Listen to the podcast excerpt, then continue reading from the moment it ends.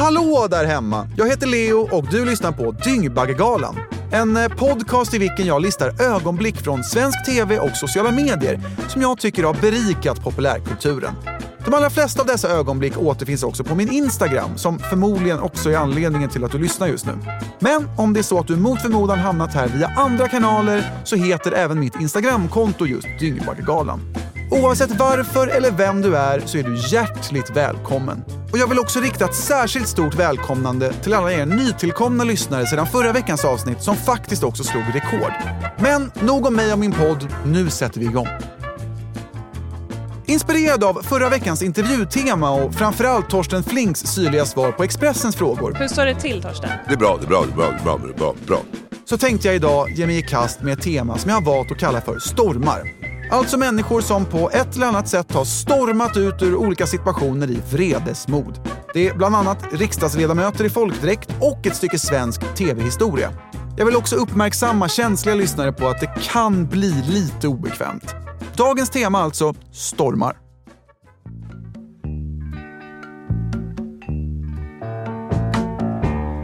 I can see clearly now vi mjukstartar med den enda personen på dagens lista som faktiskt inte har stormat ut från en intervju. Men 2007 så stormade det ordentligt på den svenska teaterscenen. Mikael Persbrandt har med kortast möjliga varsel sagt upp sig från Kungliga Dramaten och föreställningen Måsen. Det är mitten av oktober och föreställningarna är sedan länge utsålda. Avhoppet kallas för ett svek och skådespelaren Börje Ahlstedt liknar det vid Jesus sista vandring. Skådespelarkollegan Peter Stormare tycker rent av att man bör stämma Persbrandt då man ju inte bara kan hoppa av en Dramatenpjäs hur som helst. Men argast av dem alla är ändå Jan Malmsjö. Här intervjuad i Sveriges Televisions Eftersnack. Det var det vidrigaste jag varit med om. Det är, det, jag har ett bättre ord för sjaskigt. Det svinaktigaste jag varit med om av en skådespelare att göra. När Persbrandt hoppade av, ska vi säga. Ja, det är inte hans namn. Förlåt. Har du pratat med personen i fråga efter? Nej. Nej, nej. Han gick därifrån med hög svansföring.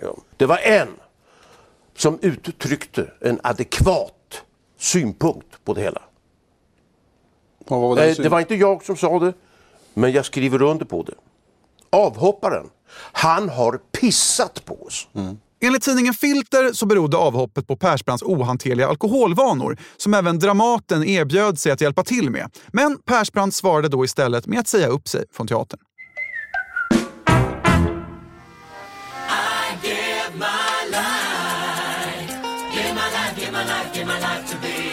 Bengt Magnus Bard föds i den lilla socken Västra Ny i Östergötland den 17 mars 1961. Han växer upp i Motala och kommer 1982 ut som satanist. Samma år släpper gruppen Bard singeln Life in a Goldfish Bowl och resan mot internationellt erkännande har bara börjat. 1987 bildas gruppen Army of Lovers som med sina spektakulära musikvideor tar världen med storm. Åren går och i takt med att de musikaliska framgångarna avtar så börjar Bengt Magnus, numera under förnamnet Alexander, istället att profilera sig på internet där han till och med geniförklaras för att han redan för 20 år sedan kunde förutspå att teknik eventuellt skulle kunna spela en stor roll i framtiden.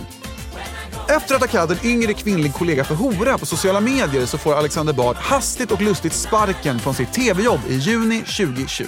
Sedan dess har han suttit på Twitter och utlovat en storslagen comeback. Och ett av dessa försök till comeback gjorde han i podden Den svarta tråden, vilket väl inte direkt slutade särskilt storslaget. Nu sitter vi här och det är ju första gången som du och jag träffas. Du tog ju friheten och valde att säga n-ordet mot mig när du sa vilken underlig samling det är i. Rastan, busken och n-ordet. Ja, fast som ett skämt. Och kalla mig själv återigen, det- återigen liksom, Ja. du tar för mycket frihet. Nej, Jo, det nej, inte, nej du äger inte min tunga. Sluta försöka äga min tunga. Nej. Jag äger inte din om tunga man och jag skulle skämtar absolut inte om vilja äga din själv, tunga. om man skämtar om sig själv man skämta om alla Du är en kyrktant. Jag är ingen kyrktant. Jo, du är en kyrktant Nej, för du håller på och bråkar om ord. Jag Nej. bråkar om verkligheten. Jag vill bara bråkar om- konstatera vad som hände innan kameran slogs Ja, på. och du bestämmer över du det. tog tycker du. friheten Nej, och valde du att droppa tycker du har rätt att bestämma vilka värderingar vi ska ha. Du sätter dig på mig. Sluta med det. Snälla det är första gången vi ses och du tar friheten och droppar Ja, n-ordet. för att liksom. testa och se om vi kan skämta överhuvudtaget Okej, i den här det var miljön. ett test alltså, han försökte testa mig. Ja, kan du skämta?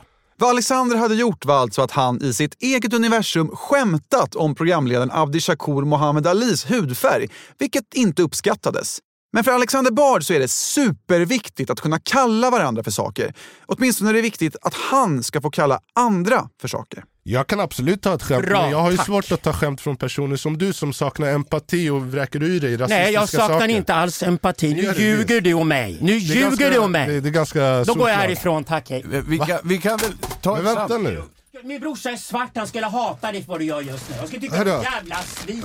Men kom ihåg, Jo, du är en kyrktant för att hålla på och bråkar om ord. Jag bråkar om verkligheten.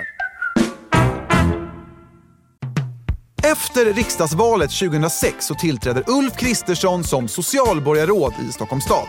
Hans ansvar blir alltså socialpolitik, det vill säga att lösa och förebygga sociala problem. Men innan Kristersson kan ta sig an huvudstadens problem så måste han först och främst lösa sina egna. Kristersson behöver nämligen någonstans att bo för att slippa pendla in till stan från villan i Strängnäs. Han vänder sig därför till Ersta diakonisällskap, en ideell förening som jobbar för och med människor i utsatta livssituationer såsom svårt sjuka, hemlösa och socialborgarråd. bostadspolitiken i Sverige måste fungera om nästa generation ska kunna komma in och få en bostad där det finns jobb. Tack vare sina kontakter så får Kristersson en hyresrättslägenhet mitt i centrala Stockholm på 125 kvadratmeter. Easy peasy. Då han i egenskap av socialborgarråd även haft affärsförbindelser med föreningen så inleds en förundersökning om mutbrott som snabbt läggs ner. Socialborgarrådet själv lägger locket på, men i november 2009 i en intervju med Utbildningsradion i programmet Hemlös kommer frågan upp. Men Ulf har ingen större lust att diskutera saken ytterligare. Bor du kvar i den här lägenheten i Ersta diakoni? Hur känns det att bo i en lägenhet som var vikt för svårt sjuka hemlösa? Nej, nu pratar du om helt fel saker. Jag tänker den här frågan är med domstolsprövad så jag tänker inte kommentera mer. Varför det? Alltså, om du vill prata om mina helt privata förutsättningar då får du faktiskt höra av dig till mig och om det. Vi kör. Men vad är problemet? Nej, men den diskussionen tar vi. Och ingenting är väl så förtroendeingivande som när en pressekreterare stormar in och nästan kidnappar intervjuobjektet. Men var, alltså, det är väl en relevant fråga? Du är socialborgarråd, det är väl inget Det konstigt? här är en fråga som till och med, gått, har till och med varit i prövning.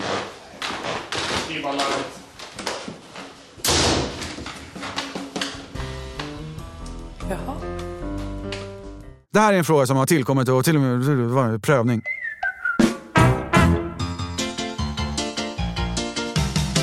På listans fjärde plats så hittar vi en man som kanske inte nödvändigtvis behöver en närmare presentation. Han är entreprenör, skivbolagsdirektör, förläggare, före detta politiker, han har sitt eget nöjesfält och finns sedan en tid tillbaka även på den sociala plattformen TikTok. Bert Karlsson har nu blivit polisanmäld för hets mot folkgrupp. Jag talar naturligtvis om Bert Karlsson som även blivit förmögen på asylboenden. En eh, verksamhet som journalisten Carolina Neurath granskade för Svenska Dagbladets räkning under 2015. Något som inte fick Bert att sprudla av entusiasm. Och när Carolina dessutom frågade om hans egna vinster, ja, då såg tjuren från Skara rött.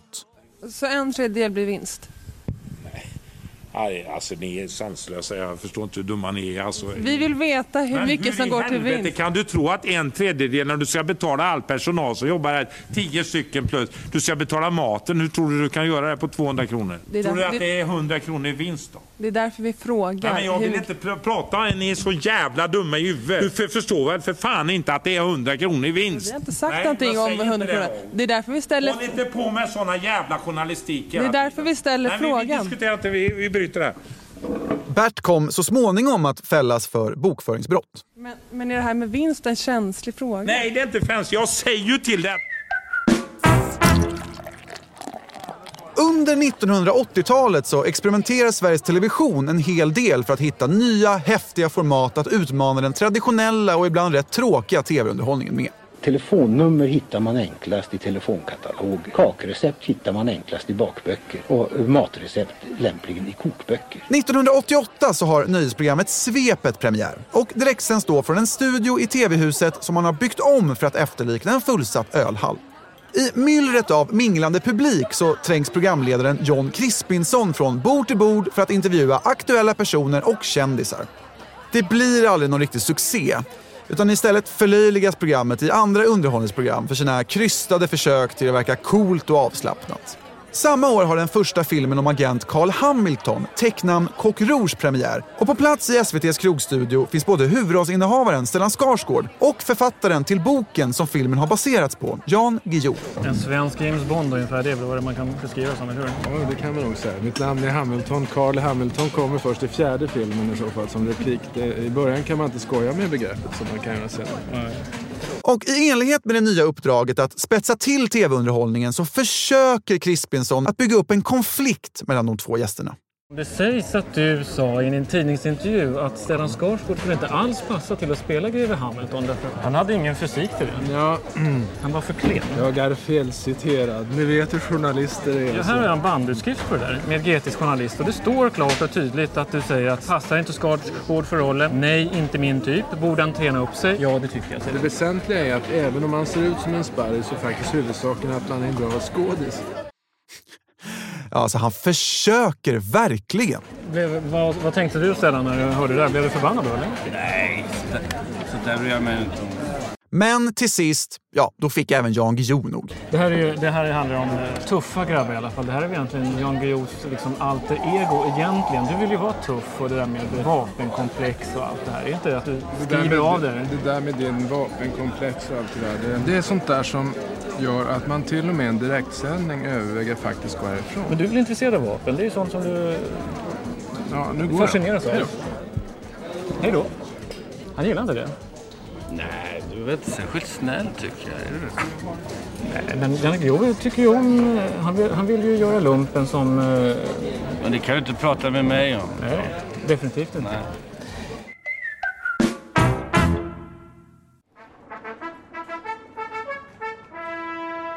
Under högtidliga former med kungapar och tronföljare på plats inledde idag riksdagen sitt arbetsår. 2010 så håller biskop Eva Brunne ett traditionsenligt tal under riksmötets öppnande. Inför riksdagsledamöterna i Storkyrkan så talar biskopen bland mycket annat om hur fantastiskt det är med demokrati och att lyfta blicken från det egna till det gemensamma. Men hon talar också om främlingsfientlighet och rasism. Det är inte värdigt en demokrati som vår att göra skillnad på människor, förklarar hon. Ett eh, rakt igenom vettigt budskap och helt i linje med kyrkans egna värderingar. Några som däremot inte uppskattar biskopens tal är det nytillkomna partiet Sverigedemokraternas riksdagsgrupp. Nej, mitt i talet om människors lika värde så reser sig gruppen upp och, anförda av partiledare Jimmy Åkesson, för dagen uppklädd i folkdräkt och hatt, stormar man ut i Storkyrkan med bestämda kliv. En spontan känslomässig reaktion. Eh, Det var ingenting som vi hade planerat på något sätt. Visste inte vad biskopen skulle ta upp. Vi kan naturligtvis inte acceptera att biskopen står i predikstolen i Storkyrkan i samband med riksmötets högtidliga öppnande och hyllar det där. Det, då är vi, jag känner mig oerhört kränkt. Vad är det som gjorde att ni kände er så kränkta och utpekade med, med tanke på att Sverigedemokraterna överhuvudtaget inte nämndes under den här predikan? Det stora brottet mot etikett i det här sammanhanget det var det som biskopen ägnade sig åt i sin predikan. Eh, Jag tror att alla som på något sätt har någon form av empati och kan sätta sig in i vår situation förstår varför vi lämnade kyrkan vid det tillfället.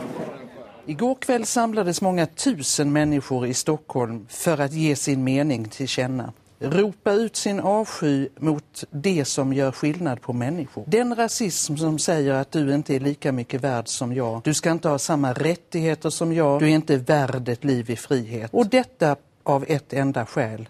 Att vi är födda i olika delar av vår värld.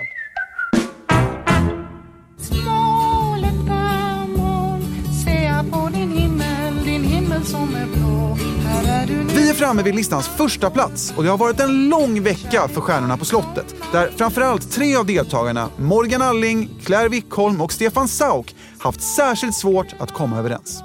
Jag klarar inte av... Ja, ja, vi har, det har du berättat. Jag förstår. Men vad Jag har är fattat. det? Ja, men vad får jag inte prata? Eller stör du dig? Ja. Nej, för att du redan har Nej, det stör mig inte. Året är 2016 och de båda manliga skådespelarna upplever att Claire avbryter dem i parti en minut. Medan Claire upplever att Stefan och Morgan tar alldeles för mycket plats.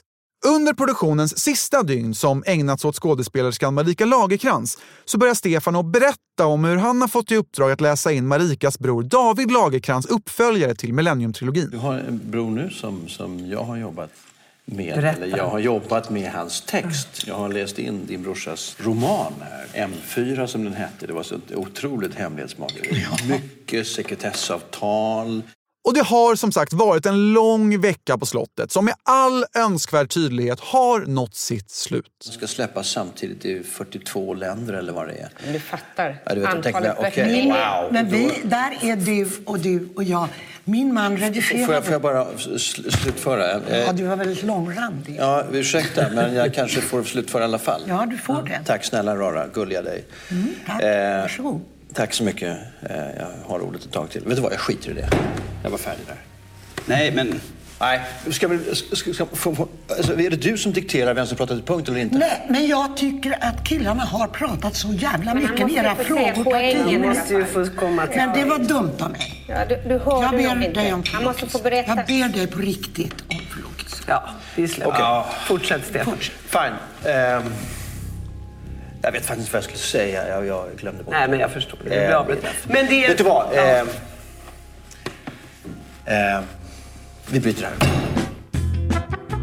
Ja, vi bryter helt enkelt där. Du har lyssnat på det elfte avsnittet av Dyngbaggegalan om stormar. Allt ifrån ett satanistiskt sargat ego till ett socialborgarråd i personlig kris. Och har du synpunkter på innehållet så går det bra att skriva till mig på Instagram där jag heter Violene eller Dyngbaggegalan. Podden är producerad och utgiven av Novel Studios med mig, Leo Vene. Tack för att du har lyssnat. God kväll, Sverige.